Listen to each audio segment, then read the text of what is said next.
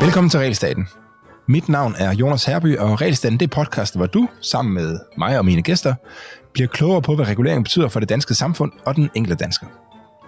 Forleden der efterlyste jeg gode lydbøger om Danmarks økonomiske historie, herunder hvordan Danmark blev velstående, hvordan velfærdssamfundet så ud før velfærdsstaten, og hvad der førte til velfærdsstatens opbygning. Det var en lidt øh, nedslående, for der eksisterer åbenbart ikke rigtig gode bøger om det her emne. Øh, og det er jo en skam, for hvis vi kender historien bedre, kan vi også bedre forklare og forstå nutiden, og forestille os, hvordan fremtiden bliver i forskellige scenarier. Så det må der rettes op på, og heldigvis så har jeg to kollegaer, som øh, ved rigtig meget om økonomisk historie, og specielt rigtig meget relativt til mig. Og de er med i studiet i dag. Velkommen til, Henrik og Stefan. Tak. tak. Jeg skal lige sige, at der findes gode bøger, der findes bare ikke gode lydbøger. Det var det, du, du efterspurgte. Ja, okay, fair nok. Fair nok yes. Sådan lige, øh, dig generer på detaljen. Ja, ja, det er sådan. Ja, ja, fint nok. Ja, ja, ja. Fair nok, yes. Øhm, og, øh, og I har også udgivet en bog, som er øh, i hvert fald relateret til det her emne. Nu har jeg kun læst øh, et kapitel indtil videre, øh, så jeg ved ikke, om hele bogen handler om det her, men, øh, men i hvert fald relateret til det. Måske, men skal vi ikke lige introducere jer, så kan I også lige nævne, hvad, hvad bogen er? Jo, helt sikkert. Øhm, Henrik, øh, du er yngste mand. Vil du starte med at introducere dig selv? Det vil jeg gerne.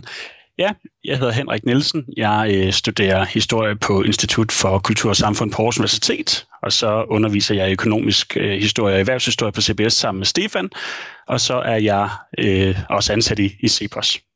Yes. Og jeg hedder Stefan. Jeg er uddannelsesleder her i CEPOS, og så er jeg Ph.D. i økonomi, og øh, så underviser jeg ekstern lektor på CBS, hvor jeg blandt andet har det her fag sammen med Henrik i The Nature of Capitalism. Og øh, så har jeg skrevet den her bog, som Henrik også har hjulpet med, som er øh, øh, som hedder The Danish Capitalism in the 20th Century, A Business History of an Innovative Mixed Economy. Og øh, inden jeg forklarer mere om den bog, så synes jeg faktisk, at du skylder din, øh, din lytter her by at forklare, hvordan du egentlig klarede økonomisk historie på studiet, for det er faktisk en meget fascinerende fortælling. Kan du fortælle det? Jamen, det gik faktisk rimelig godt. Ja. Øh, men ikke fordi jeg er særlig god til økonomisk historie. Nej, netop ikke. Det, i det, stedet for? jeg er god til økonomisk teori. Ja. Ja, så... Øh, s- ja, så i bund og grund, det der gjorde, det var, at øh, dagen op til økonomisk historie, så sad vi og tærpede nogle forskellige årstal. Så eller andet 1870'erne, øh, store guldfund. Eller hvad nu, ja. jeg kan ikke huske de der datoer der, vel? Øh, Det- var ikke 1870, men anyway, hvad jeg forstår, mener. og så, var der, så skete der noget med kornpriserne og sådan noget. Ikke? Ja. Og så på baggrund af økonomisk teori kunne jeg så, altså jeg ved, at man har hørt historierne, ikke? Men ja. Så man sige sådan, okay, der kommer meget guld, øh, det fører til inflation, så sker der nogle ting og sager, og så kunne man gennem økonomisk teori minde sig selv om, okay, ah, men det kan jeg faktisk godt nu, det var noget med underviseren, han sagde, at det var det her, der var sket, ikke? Men det var ligesom den modsatte.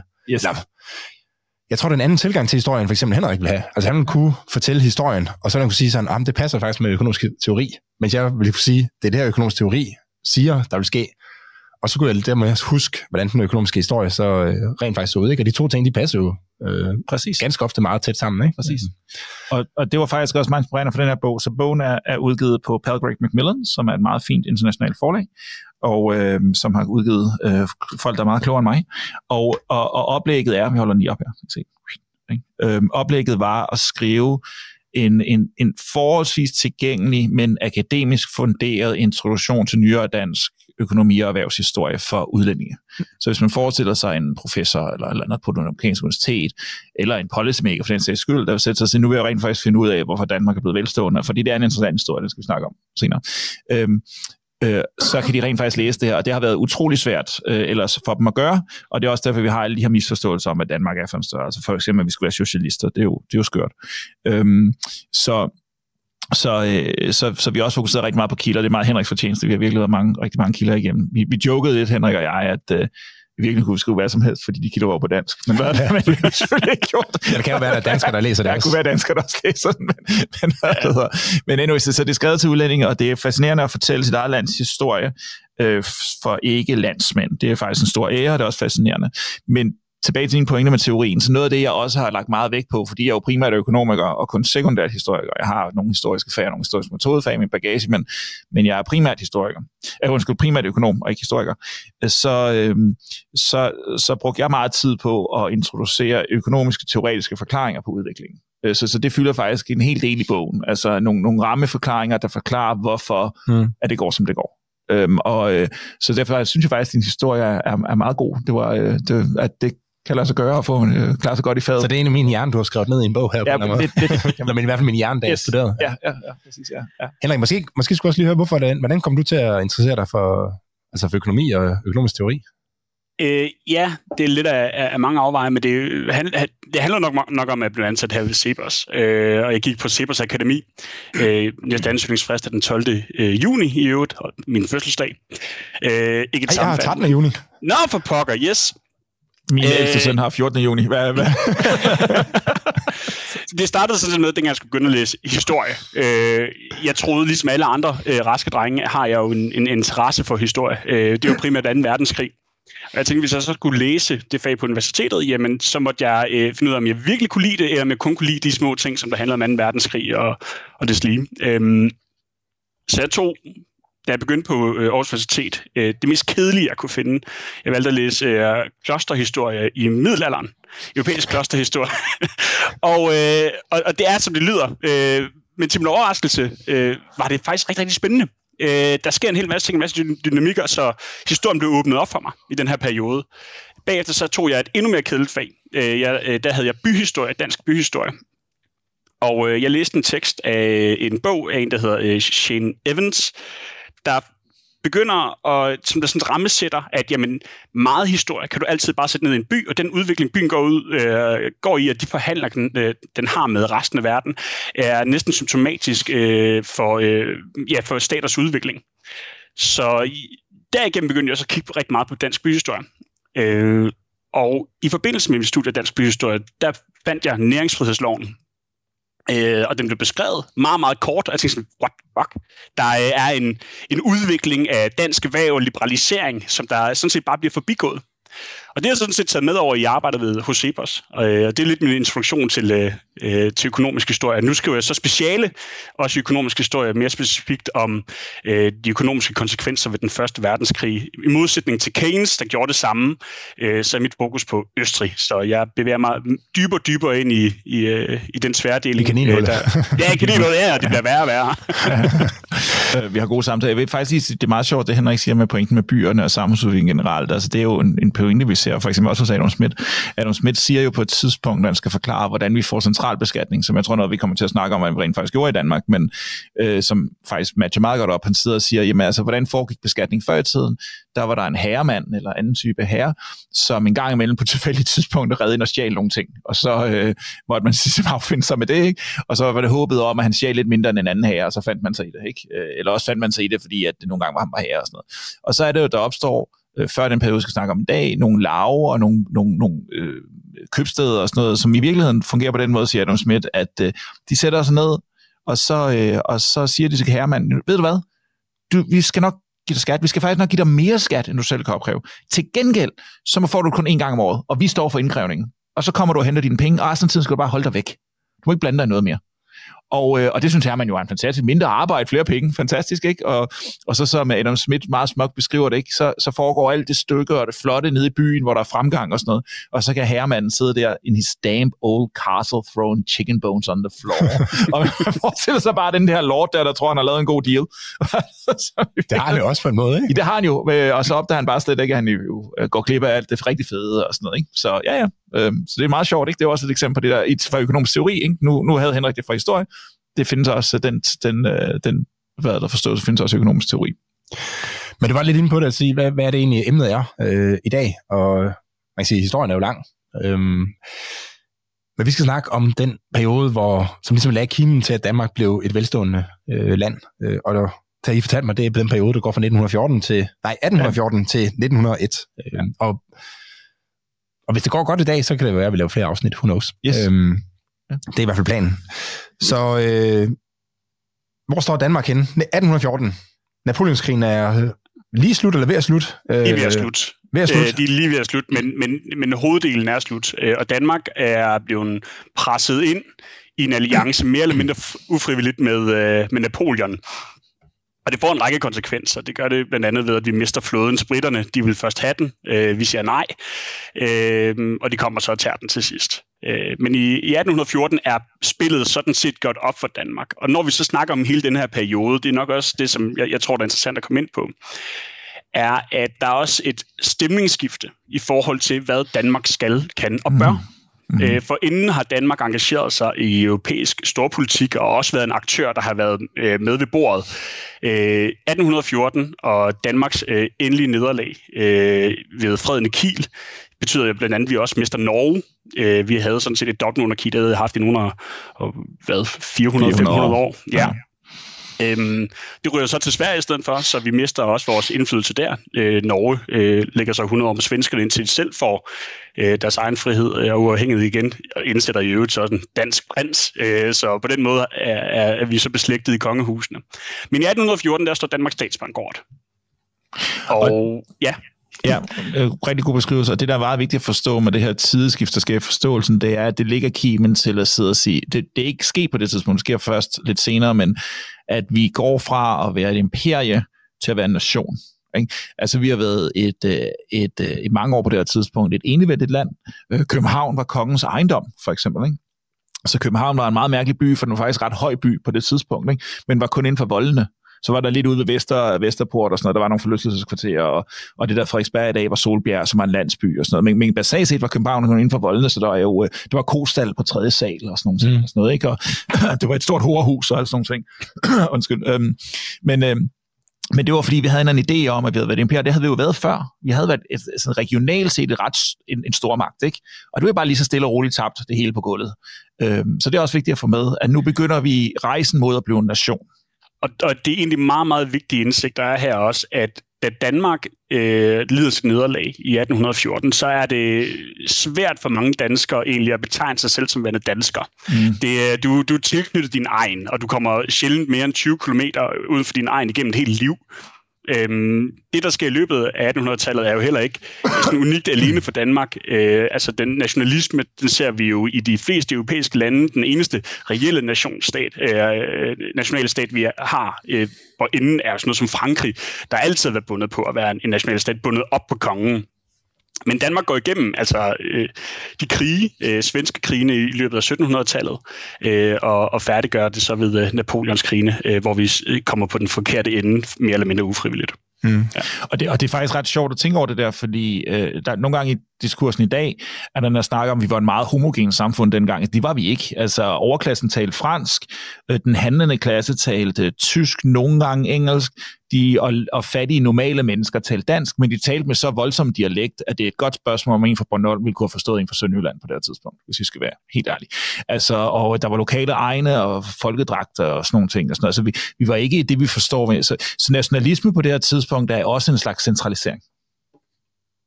Ja, og, øh, og, og man kan sige, at den, den nationalisme sker jo så også først ved, at øh, vi har, øh, det kommer vi også senere ind på, tror jeg, øh, altså nogle nationale traumer, nogle nationale oplevelser sammen, øh, der bliver definerende. Og det sker rigtig meget gennem kunst og kultur, øh, som 1800-tallet, særligt den anden halvdel af 1800-tallet er, er kendt for.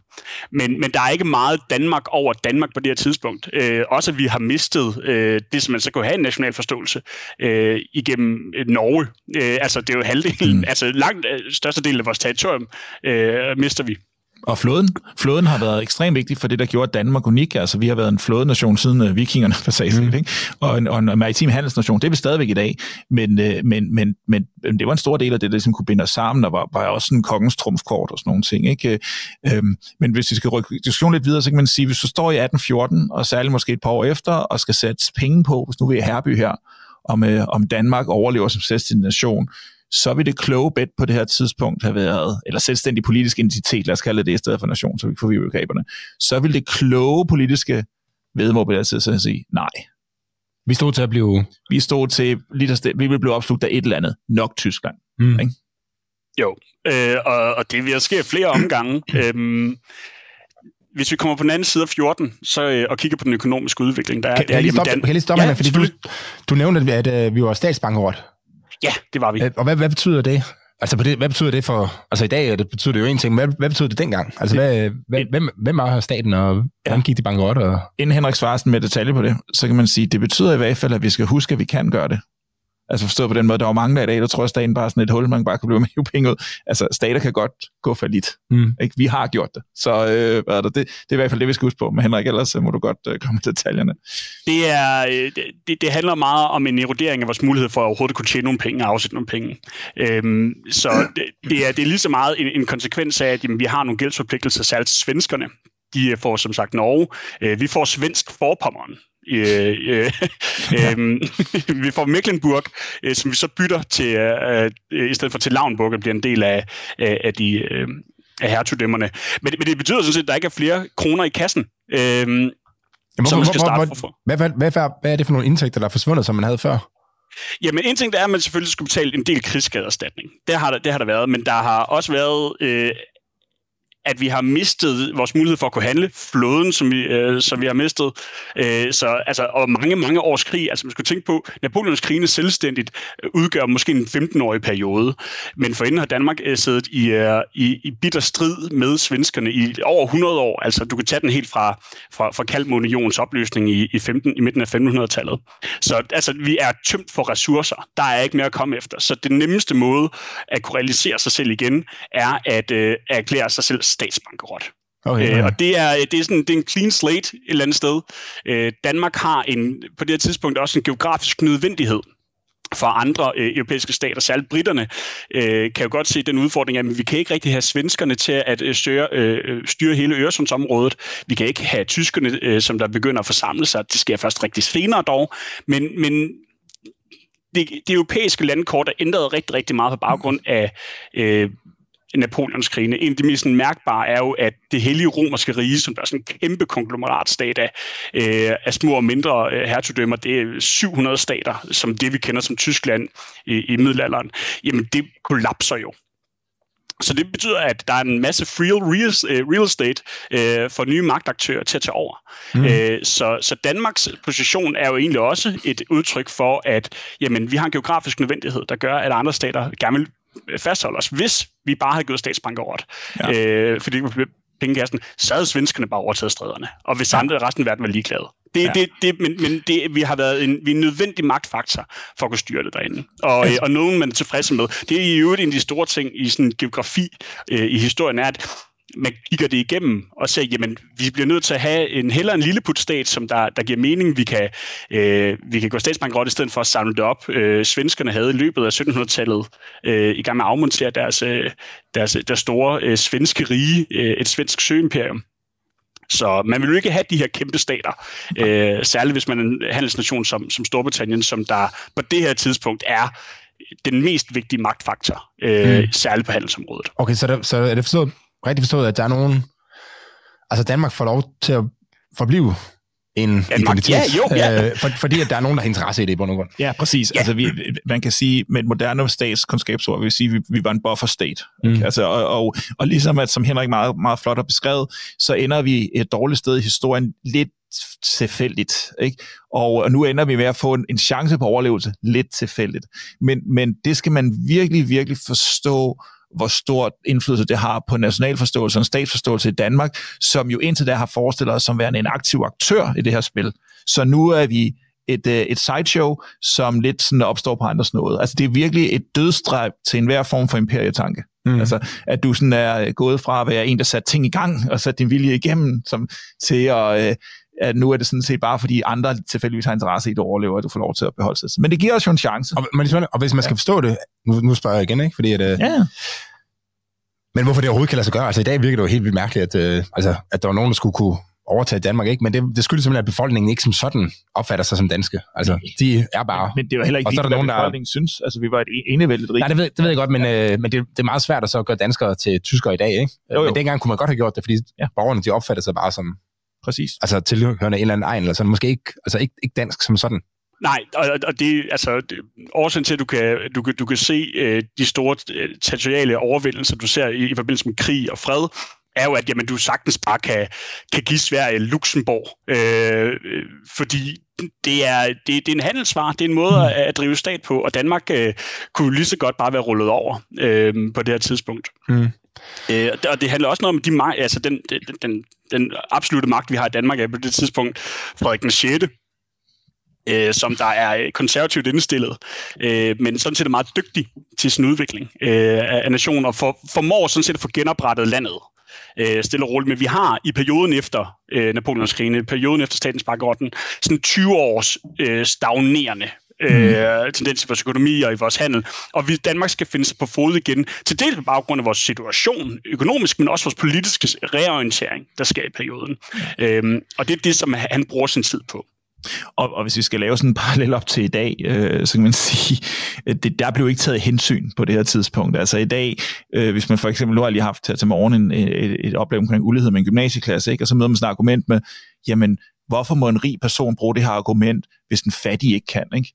At det, den tankegang var der slet ikke på det tidspunkt. Altså det, var slet, altså, det var virkelig bare det var nogle meget få interesser, som man primært skulle sørge for at køre videre, og så kunne man håbe på noget true og det gjorde det jo så heldigvis. Men, men altså, så, så den tilgang til politik, man har dengang, er anderledes, helt, helt, helt, helt, helt, helt anderledes, end hvad man forestiller sig i dag. Altså, hvad mener du, øh, altså i forhold til, hvordan, hvilken vægt man lagde på befolkningen? Ja, præcis. Altså, der var, altså, altså, Frederik Sætte har aldrig nogensinde forestillet, hvordan noget af hans politik påvirker en eller tilfældig bunderøv øh, i Skelskør. Altså men, aldrig. men, øh, og, og, og, og, og, og det har den vel ikke haft inden Napoleonskrigene. Altså han bliver, han bliver konge fra øh, 1808, og han er sådan set tid, der også administreret kongeriget for inden, på grund af hans, øh, hans far Frederik den 7. var, var tosset. Øh, det er ham, vi kender med Struense og det ene og det andet. Mm. Og der sker også, det er det, der er værd at bemærke, der sker også nogle, nogle andre øh, oplysningstendenser i Danmark, ligesom at kan man sige, renaissancen kommer sent til Danmark, så, øh, så gør oplysningstiden det også. Øh, måske med en baghal på, på 50 år. Men Frederik den 6. er også den første, der begynder at tage de her stænderforsamlinger seriøse. Øh, små, øh, kan man sige, forsamlinger af folk, der skal have en højere grad af demokratisk repræsentation, særligt i det Danmark, øh, som der ligger i fyrstendømmerne. Ja. Øh, de danske fyrstendømmer i Tyskland. Den store forskel med, øh, med de danske fyrstedømmer i Ty- Tyskland øh, i forhold til Danmark. Og det er Slesvig-Holstein, som du snakker ikke? Og så Lauenborg, yes. Slesvig-Holstein og Lauenborg. Det er, at i modsætning til den danske stat, hvor vi har et rigsråd, og vi har det tyske kancelli, det er egentlig bare et, et udtryk for, for statsministeriet, øhm, så er øh, de her fyrstendømmer, de er kongens egen ejendom, fordi han er hertug af dem. Øh, mest, altså, mest kendt har vi jo sådan noget som Christian den 4., der under 30-årskrigene ikke må deltage på baggrund af, må deltage i krigen øh, på Danmarks vegne. Han går ned og siger, jamen jeg bruger bare min trumf for at være hertug, og så er det hertugen af Slesvig-Holstein, som der tager afsted. Mm. Øhm, men der ser vi også sådan... Det var, en, det var privat... Øh, det, var det, var det, Christian. Jamen, det, ved, det, det, var, det var privat Christian. Det var privat Christian. Øh, og så kan han jo, så kan han jo øh, marchere sig afsted. øhm, så, så der sker også den her demokratiske tendens i perioden, at ja. jamen, vi bliver også nødt til at give noget repræsentation, særligt til øh, de her tyske øh, fyrstendømmer, fordi de også vil gerne vil være en del af det tyske forbund, ja. det nordtyske forbund, øh, der også begynder at samle sig som en, en, en resterne efter det hele romerske rige, særligt øh, nordpå i Tyskland. Så, så, så det man kan sige, det er, at der sker selvfølgelig, nu sagde jeg, at han var ligeglad med en anden tilfældig, og det var ikke for at sige noget grin om, om folk på landet eller skilskør, jeg sagde det der, men, men altså, man begynder at forstå, at der er nogle andre interesser, man skal varetage, ikke? Men, men den der sådan, øh, altså, øh, den der sådan, den måde, vi ser politik på i dag, øh, den med universel værdighed og universel lighed, var ikke indtruffet nu. Og noget andet, Henrik sagde, som også er ekstremt vigtigt at forstå, som er meget, meget spændende i Danmark og meget underbelyst, som jo også er det, der fører til nationalliberalismen senere hen øh, i midten af århundredet, er, at vi netop vi er relativt sent til at få oplysningstiden ind. Men mange af de mennesker, som begynder at, at signe sig på det her tidspunkt, læser rent faktisk oplysningsfilosofer, Voltaire, Adam Smith, de her Manchester-økonomer osv., bliver læst. Øh, men så samtidig er romantikken jo ved at blomstre frem også. Så vi får en, en ret interessant periode, det er mere senere i det, i det her århundrede, men stadigvæk en rigtig, rigtig spændende periode, hvor øh, hvor oplysningsidealer og romantiske idealer smelter sammen, og, og, øh, og sådan noget som øh, diskussion om æstetik over for rationalisme, for eksempel, og etik og sådan nogle ting, fylder rigtig meget i dansk forståelse. Det, det giver nogle rigtig spændende ting, som er meget værd at dykke ned i, særligt for borgerlivet og sådan idéudvikling og sådan nogle ting, som faktisk er ret interessant. Øh, men øh, ja, det kan være, at vi skal rykke lidt videre i kapitlet. Ja, hvis altså, vi, ja, står, øh, ja, vi står her i 1914, og, ja. og staten er statsbankerot, og ja. så skal man på en eller anden måde Altså, nu skal vi have nogle penge i kassen, eller hvad? Eller hvordan det, altså, hvad, hvad er det for nogle tanker, man så gør sig der? Det er i højere grad frihandel, øh, og, men det er frihandel, der sker ude på landet. Der er den store forskel, øh, nej, den, den måde, du har bygget, ikke den store forskel, den måde, du har bygget landet op på, øh, er, at byerne, som Stefan også var inde på tidligere, er købsteder. Så der er de store øh, byer. I cirka i 1800, i 1800-tallet, øh, der har vi øh, 66 købsteder, som der er domineret af merkantilisme, der er måske tre smedje, og så må der være flere. Hvad betyder merkantilisme her? Merkantilisme betyder flere ting. Det betyder jo sådan i grundessens, at det bare handler om at skaffe guld. Guld er det vigtigste. Ikke? Okay. Øh, det, det betyder sådan lidt mere nede på, øh, på, på jordplan i Danmark, det, bliver, det er, at, øh, at man sørger for at sikre en eller anden vis form for stabilitet i økonomien, øh, ved eksempelvis at sørge for, at, som Henrik var ved at sige her, at lav bestemmer, hvem der må være smide, øh, og at erhverv kan gå i, i, i arv til, til den ene lav arv, det er ikke det samme ord, men det, det, det er tæt på. Øh, det er, at købstederne indretter deres eget legale system, selv står for opskrivning og sådan nogle ting. Øh, så, øh, og det, det handlede ultimativt om at lave et, et stabilt økonomisk system, der gav øh, øh, kort, øh, der gav overskud, og overskud helt grundlæggende som flere penge i kassen til ejeren, og ejeren af kongen. Okay, okay. Og, og, så det, det er et spørgsmål rigtig meget om privilegier. Ja, præcis. Øh, og det er, det er et system, som der er, altså det er det mest kendte system, vi har øh, for, øh, for handel i Europa indtil det tid, ind på det tidspunkt. Øh, Hansestederne i Tyskland har, har, har kørt øh, med det i næsten 1000 år. Handelsstederne ikke eksisteret 20, øh, 1000 år, men, men handelsprivilegierne har mm. eksisteret på den måde. Men, men, øh, bliver, men bliver købstederne, bliver de indført som en, altså, som en måde at opkræve skatter på for kongen, eller hvad? Altså en måde at skabe noget revenue? Han, han, han får nemlig ikke nogen skattefordel af det. Nej. Øh, kongen skal drive øh, skatter ud af matrikelbeskatning ude på landet, uden for byerne. Så inde i byerne selv, der betaler de øh, en halvårlig skat til kongen. Men alt andet af afgifter og sådan noget bliver bestemt af byrådet, der selvfølgelig er ledet af byens førende handlende. Ja. Okay, så de, de skal betale en, en beskyttelses, øh, nogle beskyttelsespenge? Ja, det, det, det, det, en, gesto, en gestoskat, ikke? Men, men mm. ellers så, øh, så er det jo også en torn i øjet for Danmark på det tidspunkt, eller for den danske konge, at øh, der er jo masser af penge i, øh, i købstederne, men han kan kun øh, øh presse skattekroner ud af, af, af landet på baggrund af matrikelskatning. Øh, så man har jo gået igennem meget tidligt optegnelser af Danmark og sige, hvor meget din jord er værd, der skal du betale en vis mængde hardcore skat. Øh, og, det, og det er byerne så fritaget for. Mm. Så de, øh, de, det er ikke fordi, der er armod i, øh, i Nibe, for eksempel. Nibe som købstad øh, er på det her tidspunkt øh, altså i rivende vækst, fordi at der er masser af sild, og på det her tidspunkt er øh, i, øh, i Limfjorden, og, øh, og, det, og det, går, det går rigtig, rigtig godt, den der mm. slags steder, hvor man, hvor man kan nære sig af de lokale ressourcer, øh, og Danmark sender sild til hele Europa, øh, men, men kongen får altså ikke den store del af fortjenesten af den. Er det koncentreret om, om, om de her øh, købsteder, eller hvad? Ja, altså så skal man også, en del af vores idé om borger kommer også herfra. Altså man var ikke bare borger, man kunne ikke bare flytte ind i sådan en by. Altså så skulle du have borgerprivilegier og sådan nogle ting. Ikke? Og, og der var nogle rettigheder og nogle pligter, der fulgte med det. Ikke? Øhm, og, øh, altså ligesom vi har statsborgerskab i dag, eller? Ja, præcis. Men så var det, det var hegnet op på den by, du var i. Altså, så der var ikke, altså, der var noget, der hed dansk pas, altså sådan noget, men, men de, det er faktisk lidt tvivl om, Henrik, om det var byerne eller, eller staten, der udstedte pas den, dengang. Det er faktisk lidt lille bitte i tvivl om, men det er sådan også en detalje, der måske er lige meget. Ja, men, ja, ja, og, det, ja. og det, er sådan, det, det, er ikke lige så svært at skulle få et, et bypas, altså, men det er, det er sådan set i højere grad, at øh, det, der er svært, det er, at du får tilladelsen til at sætte din markedsstand op yes. nede på torvet. Yes. Øhm, fordi at, at bo i byen har ikke en stor interesse. Altså, den, den stinker. Øh, ja. Bogstaveligt talt, den stinker. øhm, og, og det er egentlig kun rigtig fedt, hvis du har den smedje i det område, og du ja. så kan få lov til at sikre dit privilegie til dig. Ja. ja. Og hvad gør, hvad gør andre så? Altså dem, der ikke øh, kan få lov til at stille en båd op ned på... Øhm, så er der nogen, der har privilegie. Ja. Altså, du siger, du har fået et, øh, en eller anden... Du har fået tilladelse til, at, til at handle i bund og grund. Ja. Den har jeg arvet fra min far. Mm. Det ja, okay, er, det, og det, og den det, sådan set, det, ja, den, den går nemlig i arv, og hvis, ja. øh, og hvis, hvis øh, du gerne vil overtage den, øh, jamen så skal du, øh, så skal du have et rigtig godt argument. Du skal i hvert fald betale en masse penge for det. Fordi det er en af de her øh, privilegier, som der lægger sig til. Ja. Så, øh, så det, det, det afholder jo også en masse udvikling øh, og en masse innovation i byerne. Øh, de er nogle rigtig, rigtig dygtige tømrer, men de bliver bare ikke bedre øh, årti efter årti. Og så det, men, hvad, hvad med dem, der ikke er en del af det her? Hvordan, altså dem, der, der bor jo nogen uden for byen, ja. øh, som, som ikke kan få lov til at handle derinde. Hvad gør de? Jamen, de, de, de må gerne komme ind og, og, og aftale nogle varer, øh, mm. men normalt så sælger de det måske til en stor bonde, der har et privilegie, og så det mm. er ham, der sender fortjenesten, så de, ja. de får jo ikke det fulde ud af deres egen produktion. Øh, der, og der, Ja, også. ja der, der, så, kan også, der, der er også stadigvæk eksempler på markedsdage, hvor du så kan sælge den dag, for eksempel. Mm. Der kan du mm. godt som økonom se, hvad der sker med priser sådan en dag, ikke? for eksempel. Når alle for oplandet kommer ind og skal sælge deres mm. ting, ikke? så, så får, får man relativt lave priser, ikke? Øh, fordi du ved, du ikke kan vente en dag. Altså, du mm. har den her dag, du skal sælge den klokken 4 og sådan noget. Øhm, og så sker der faktisk også, det er lidt sjovt, det beskriver jo faktisk en case for Samsø i bog. Nå, jeg tager, jeg tager den der først. Øh, hvor der faktisk begynder at opstå noget af det, vi vil kalde øh, frihandelszoner. altså, der begynder at opstå nye byer, øh, stille og roligt, og noget, der minder om byer, blandt andet på Samsø, hvor de ikke har de her borgerrettighedsprivilegier. Så hvis du er en forsag som entreprenør på det her tidspunkt, der er lang vej til privilegier. Øh, men du begynder i løbet af 1800 at se, at du så måske og så får vi næringsfrihedsloven senere, som vi også skal snakke om, men at du måske så bare skulle sætte din forretning op et andet sted, som ikke er en købstad, men som også har behov for, for de her ting. Ikke? Det begynder vi at se sådan sjove eksempler på i løbet af. Men de her købsteder, altså nu, øh, mm købstederne lyder som noget dårligt noget, ikke? Øh, set i forhold til i dag. Men hvordan, hvordan, altså, var det en forbedring i forhold til det, man havde set tidligere, eller hvad? Eller hvordan det... du, du, har, du, har, du har haft dem i adskillige 100 år.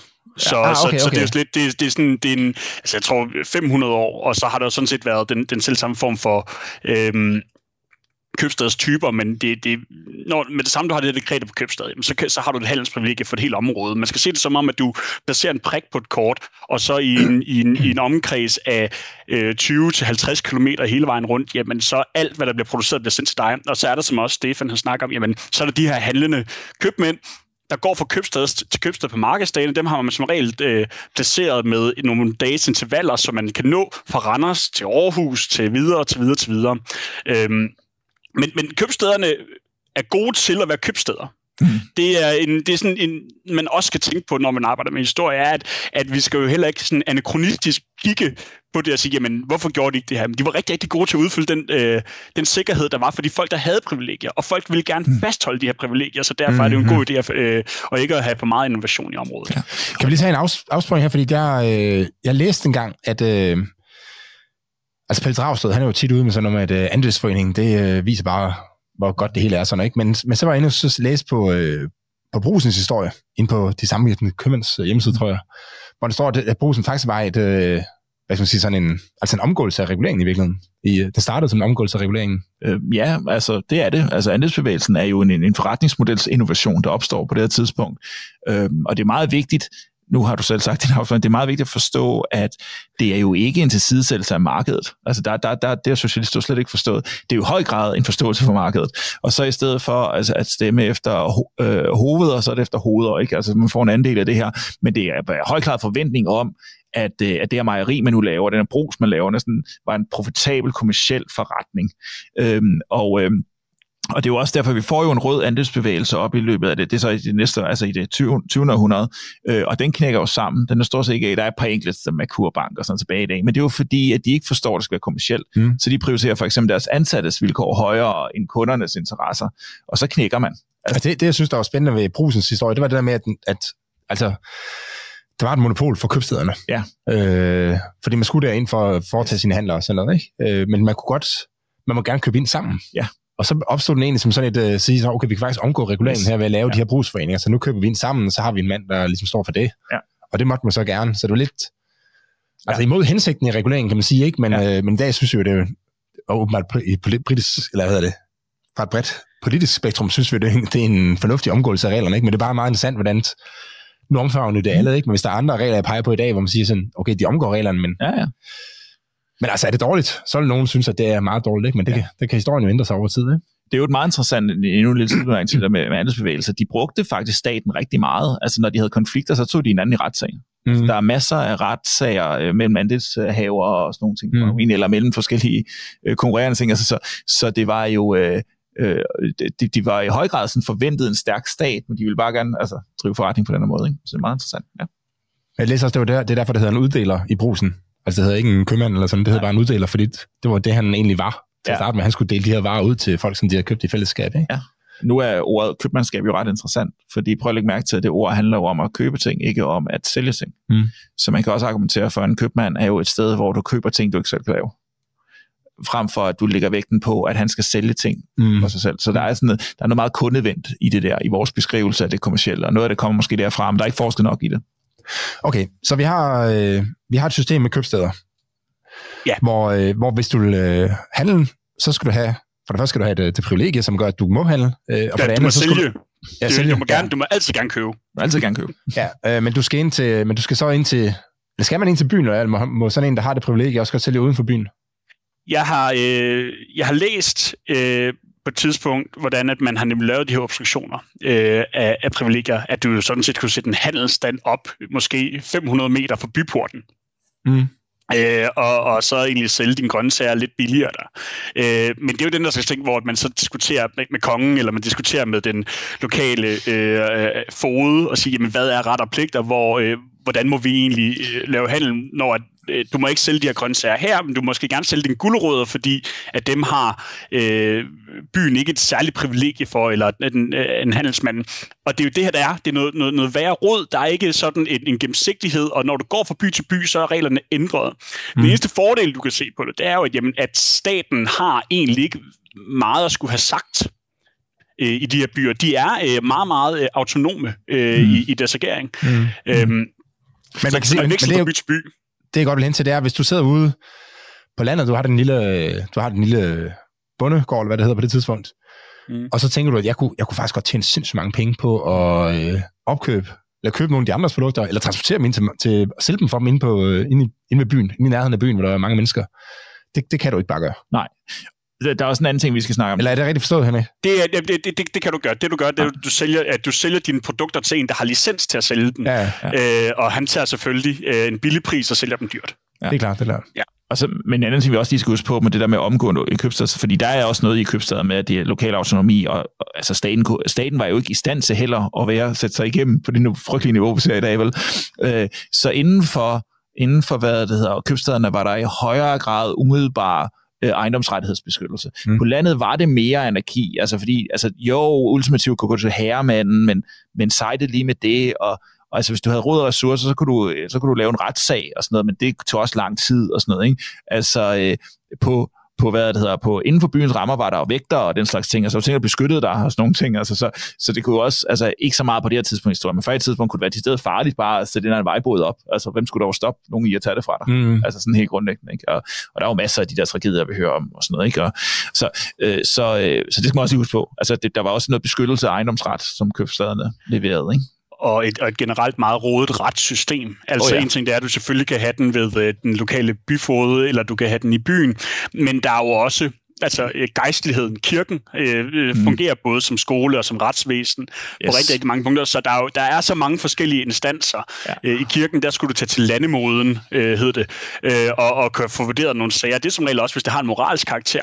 Men fordi man ikke har altså, så entydig en forståelse af en retspraksis, så kan moralsk karakter også være, hvordan at du kan have en dårlig moral ved at handle et forkert sted, øh, ja. og hvordan du har tænkt dig til den. Mm. Så det er noget råd. Øh, ja, det er noget råd. Ja. Altså Københavns Universitet havde jo øh, langt op i det 20. århundrede faktisk på papiret egen retsstatus også, for eksempel. Ikke? De har fangehul og sådan noget der. Så. Det er så sjovt, for det der, det, det ser man også i USA. Ja. Altså, der har de også øh, ja, campuspoliti, campuspoliti ja, ja, og, og så, har det, så har byen sit politi, og så har staten sit politi, ja, og så har det, så har det føderale. Ja. Øh, og nogle gange så, så der har jeg lavet et andet podcast om i forhold til det der med legalisering af has. Ja.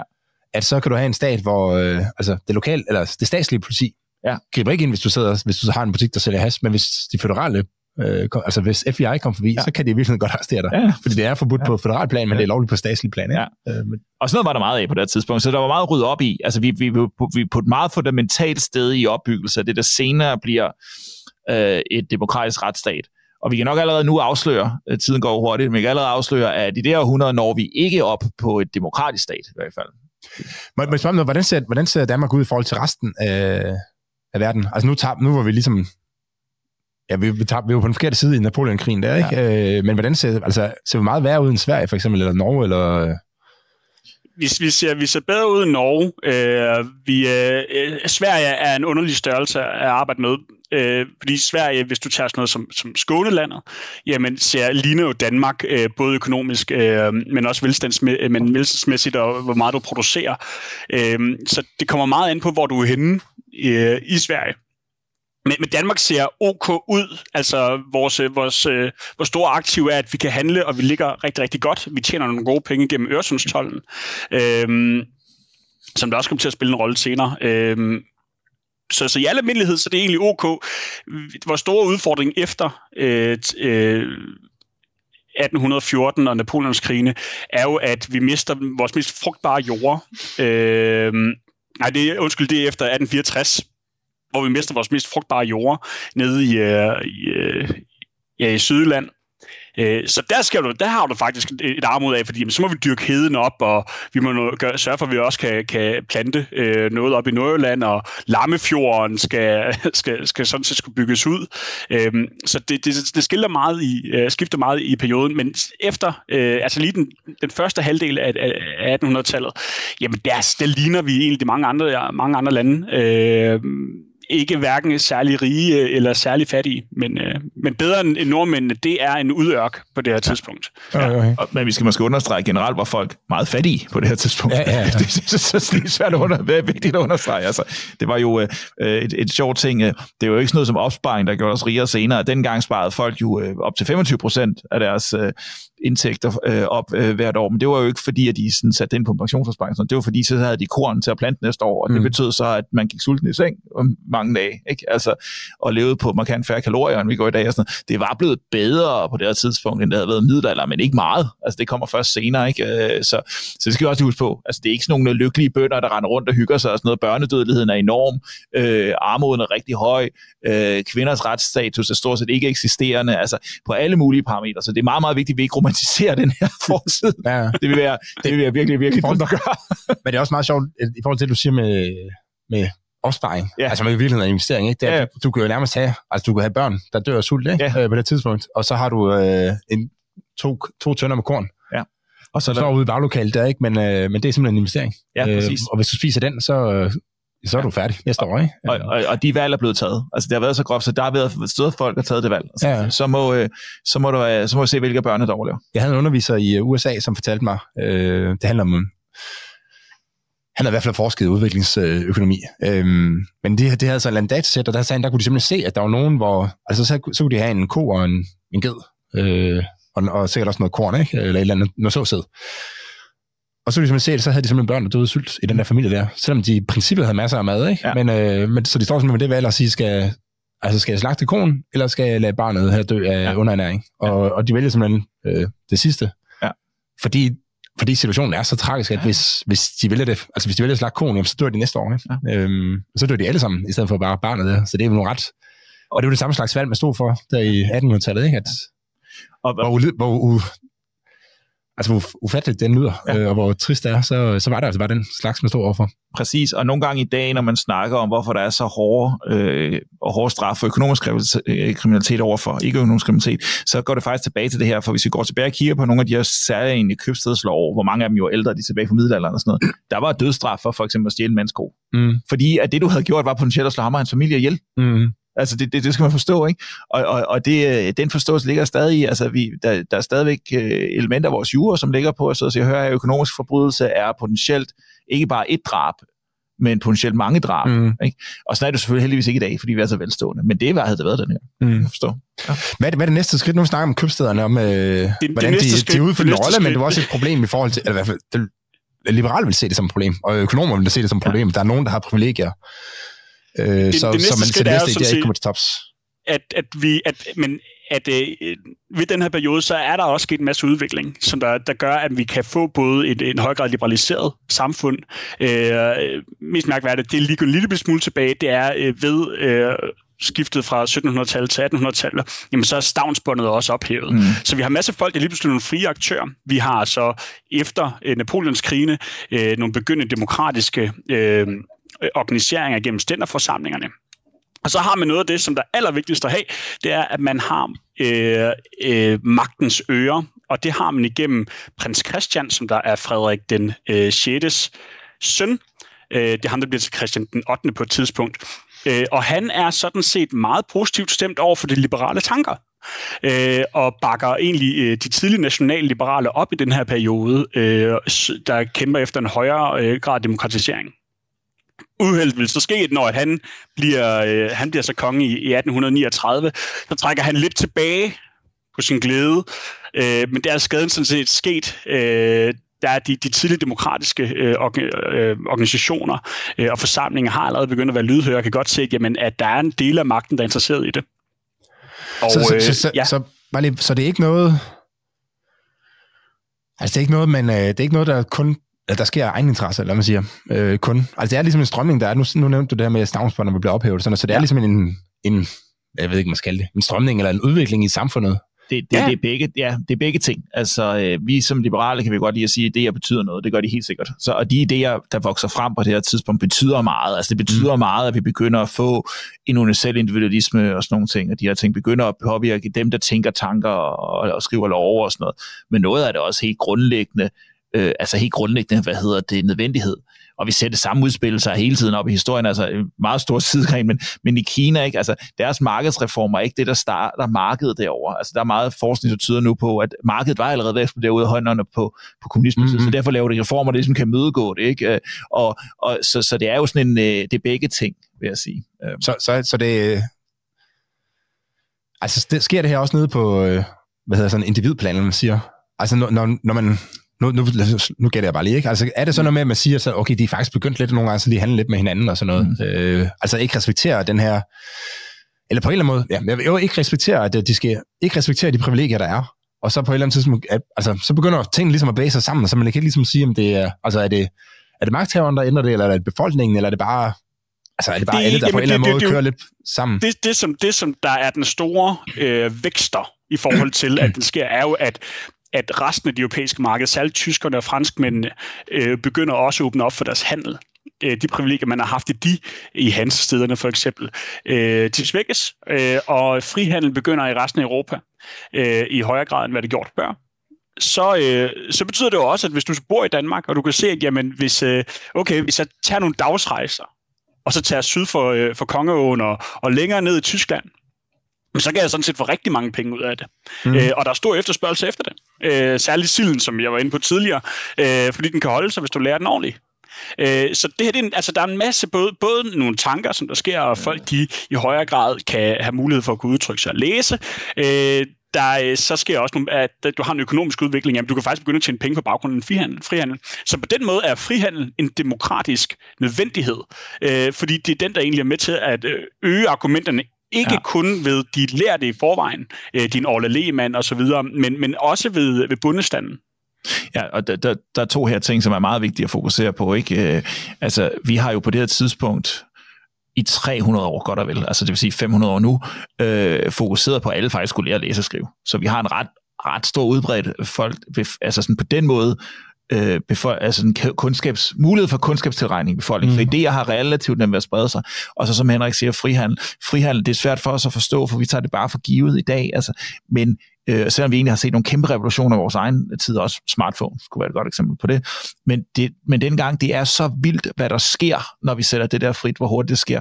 Øh, I et, et 100 års tid før i, uh, i Frankrig, der skriver Voltaire digte om, hvor meget mere luksus han har oplevet i sit liv. Og det er på marginalen, vil vi sige i dag. Altså på marginalen, men alligevel, det, det er så vildt. Så, så, så de her idéer, der ligesom går hånd i med den her, det, det er svært at holde dem tilbage. Ikke? Mm. Der er magthavere, og der er, og der er folk, der er bekymrede for sædernes fald, og alle de der ting og sådan noget. Ikke? Og der er dem, der gerne vil have deres privilegier, og, og det er jo en kamp, der fortsætter langt op. Ikke? Og så op i det næste århundrede, ikke? Da, da tøjhandleren, manufakturhandleren der mister sin butik i Matador, og står over for, øh, så står der en scene, hvor han snakker med, brokker sig til, til svinehandleren, og så siger fanderen, du har vist glemt en fri næring. Ikke? Så det er sådan, du ved, der er nogen, der sidder på nogle privilegier, de gerne vil beholde, selvfølgelig er det sådan er samfundet. Ikke? Ja, ja. Men de her idéer er så kraftfulde, og, deres, og resultaterne kommer faktisk så ekstremt hurtigt, og er så revolutionerende anderledes, end hvad folk har været vant til før, at det simpelthen er svært at argumentere imod. Men det siger også lidt om, at det, altså at forandring kommer mange steder fra i samfundet, mm. og jeg virkelig måske bare, altså måske kræver det virkelig, at hele samfundet ligesom er, ja. er ens om, vi skal den her, eller enige om, at vi skal den her retning, ikke? Ja. Øh, men det, det kan også, altså det har sandsynligvis også betydet noget, nu, nu, nu freestyler jeg, ikke? Og mm. siger til, hvis der, det er mm. forkert, men at, øh, altså hvis man lige kan læse noget om, hvordan andre har det, mm. øh, eller man får overbragt viden på en eller anden måde, ja. sige, jeg har den her seddel, hvor står med priser fra, ja. fra Nordtyskland, som kun er to dagsrejser væk, og så hvis vi begynder at læse og sige sådan, okay, det var meget, meget højere priser, end jeg får i... Øh, ja. Eller man kan regne ud, hvis der nu er et valutakurs. Øh, jeg ved ikke, hvordan ja. det var det engang. Ikke? Men det der med, at når informationer spreder sig, så bliver man jo ligesom pludselig sige, hvorfor er det egentlig, jeg skal... Ja. Altså, hvorfor skal jeg være her, når jeg ved, jeg kan læse, at de har det meget bedre et andet sted? Øhm, og, så, og, så, og så er det virkelig konkurrencen, ikke? Altså, ja. så konkurrencen betyder, at der kommer pres på, og så ændrer samfundet ja. i virkeligheden, ikke? Præcis. Men det er også interessant, hvis vi lige skal helt op i nutiden her, at, mm. øh, hvor man lige nu kan man godt tænke sådan lidt, at jamen, Rusland det er fortabt, ikke? Øh, men men idéer, idéer kan jo sprede sig lige pludselig, ja, og komme til at ændre et samfund, ikke? Præcis. Det kan godt tage, at det tager 50 år, men, præcis. men tingene kan ændre sig. Præcis. Og, og, og, og, det, og det sker, og det sker ikke kun i Danmark. Øh, I Danmark har du også eksempler på det i, højere grad, øh, hvordan er det der spredes. Altså et, et godt eksempel på det i et skandinavisk tilfælde er, er Darlandsoprørene, som der, der sker i, i 1743 øh, hvor at det er det simpelthen en bundestand, som der har der er begyndt at læse oplysningstekster. Øh, og, og derved kan sige sådan, hør, de rettigheder vi vil også have. Altså, mm. fordi der er nogle skotter, der begynder at skrive om nogle franskmænd, der begynder at skrive om det, så øh, får de det oversat til svensk, øh, og, og siger, jamen, vi vil egentlig kræve samme ret. Øh, så på den måde er verden også meget, meget globaliseret, også tekstmæssigt. Øh, det, er ikke, det er ikke en ny ting, men idéer, de går virkelig stærkt, og det gør det i den her periode. Mm. Ja.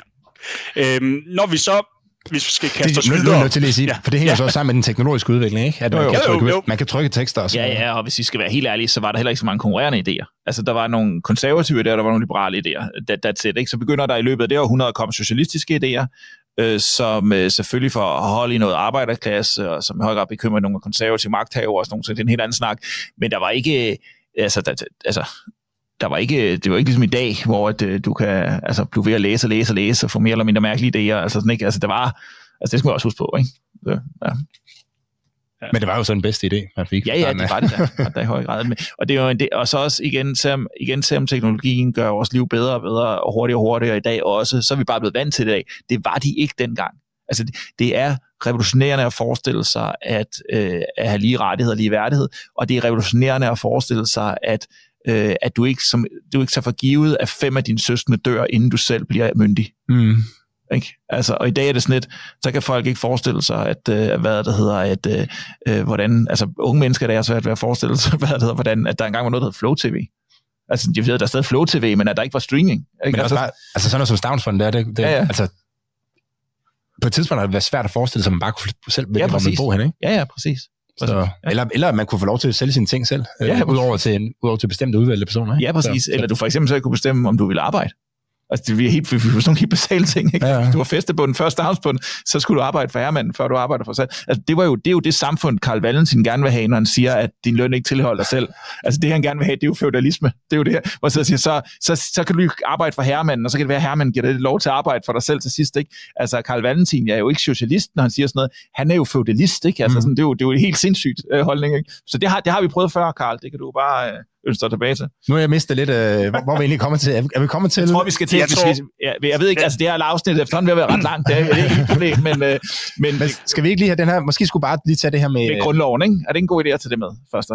Det skal vi... Ja, er, er det, kommer næringsfriheden? Hvordan var det? Den, den, den kommer, kommer først bagefter, så lad os tage grundloven først. Åh, oh, lad os tage grundloven først, så. Ja. ja. Øh, vi har som sagt en, en, en konge i, øh, i, i Christian den 8., som der, øh, som der, der er mere øh, venligstemt over for det. Øh, nogle demokratiske tanker, men det, der er meget sjovt, når man kigger sådan de danske konger igennem, og hvis man interesserer sig for kongerækken, øh, er, at der er nogle konger, der, øh, der faktisk går op i at styre deres land, øh, og der er andre, der er lidt mere ugidelige. Øh, Christian den 8. var klart en, der havde en interesse for at styre deres land. Han bliver meget, meget mere interesseret i at faktisk have magten, øh, den absolute suveræne magt. Da han endelig bliver konge, der, det er lidt mere gratis at sidde som prins og sige, at det er nogle gode idéer. Øh, han har så dog en meget, meget kort periode som konge. Øh, op til 1848, hvor vi så får Frederik den 7. Det er ham, der giver os grundloven, Frederik den 7. Mm. Øh, men det er øh, en ting først og fremmest som Frederik den 7. var, at han var en af de ugidelige konger. Yeah. Altså, det, det er meget sjovt, at det er en, øh, en konge, vi øh, har på Christiansborg Slottsplads og det ene og det andet, men, men, men, men han var en konge, der egentlig ikke var særlig interesseret i at styre landet på samme tidspunkt i 1848 er et for, for historikere øh, et meget, meget kendt år, øh, fordi at det er næsten i samtlige europæiske lande, går der revolutioner i gang. Øh, så den her tendens, igen, sker ikke kun i Danmark. Den sker i Østrig, den sker i Frankrig, mm. der afsætter man endnu en gang sin kejser. Så det kan man gøre flere omgange. Øh, I Tyskland også for den sags skyld. Så det er altså 8, øh, 1848, at det er store europæiske revolutionsår. Danmark okay. kommer nemt igennem det. Undskyld, Stefan, hvad siger du? Der er bare sådan en lille sjov ting. Det er jo, altså, der er nogle øh, idehistorikere, der joker lidt med, at det er derfor, kommunismen bliver så populær, fordi at, øh, det er simpelthen bare marketing og hele sammentræf. Ikke? At, det, at det kommunistiske manifest, som ligesom er den tilgængel, lidt tilgængelige del af Marx's øh, tanker, det udkommer også i 1848, og der indleder han jo med, at der går et spøgelse gennem Europa. Ikke? Og det lyder jo helt profetisk. Ikke? Så sådan, det var bare, altså, det er ja. den, ikke? Så, ja. Og, og i Danmark sker det meget altså roligt. Øh, det, det sker ved øh, Orle Lehmann. Øh, blandt andet, han havde sat i fængsel nogle år forinden øh, for noget censur. Han havde sagt for meget, der var for, der var for slemt måske. Øh, der holder et møde på casino, det er teater, det, øh, og så går altså i samlet protest op til kongen øh, og, øh, og beder om, at øh, nu skal vi have sat en regering sammen, der er udpeget af, af folket. Øh, hvilket kongen indvilger i. Øh, og så først så nedsætter man den martsministerium. Man fyrer sådan set, kongen fyrer sine minister øh, og sætter et ministerium ned af de her folkerepræsentanter, der så skal være med til at, øh, at skrive en ny grundlov. Mm. Og den kommer så først, den kommer så først i, i 49 år efter. Ja. Altså, hvor, hvor stor betydning har det det, at man har en konge, som, øh, som jeg tænker sådan, okay, hvis der er andre, der gider det, så skulle man sige fint nok, i forhold til, hvis man har haft en konge, som, altså, som virkelig gerne vil holde fast i Hvis vi kigger på, på hans børn og sådan, så har han helt oplagt andre interesser i hvert fald, end at styre landet. Men, ja, altså, jeg skal sige, det er i høj grad, fordi han får faktisk ikke børn. Øh, det, er det, helt, det er det helt store udfordring, fordi det eneste rolle, han sådan set har som, øh, som, som enevældig monark, er sådan set, at han skal altså. føre nummer videre. Det kan Præcis. han så ikke engang. Og, det er ikke, og det er ikke sidde, for at sidde at, at trash-talke Frederik, den, Frederik den 7. Men altså, han har gjort sig rigtig, rigtig godt i, uh, i den offentlige hukommelse ved at have givet os den grundlov, fordi ja. ellers havde det ikke været meget pænt at skrive om ham. Øhm, Men jeg kan godt forestille sig, hvis der var en, der virkelig virkelig gerne holde fast i magten, ikke? At så er han, øh, ja. så er han, så er han højere grad villig til at tage en konflikt. Så nogle møder vi lidt senere i historien, kan vi godt øh, afsløre. Ja. Der er nogle, der, det har der også været andre steder ja. i, i verden. Ja, det har der, der har også været ja. det i Danmark. Vi er ikke helt færdige med konger endnu.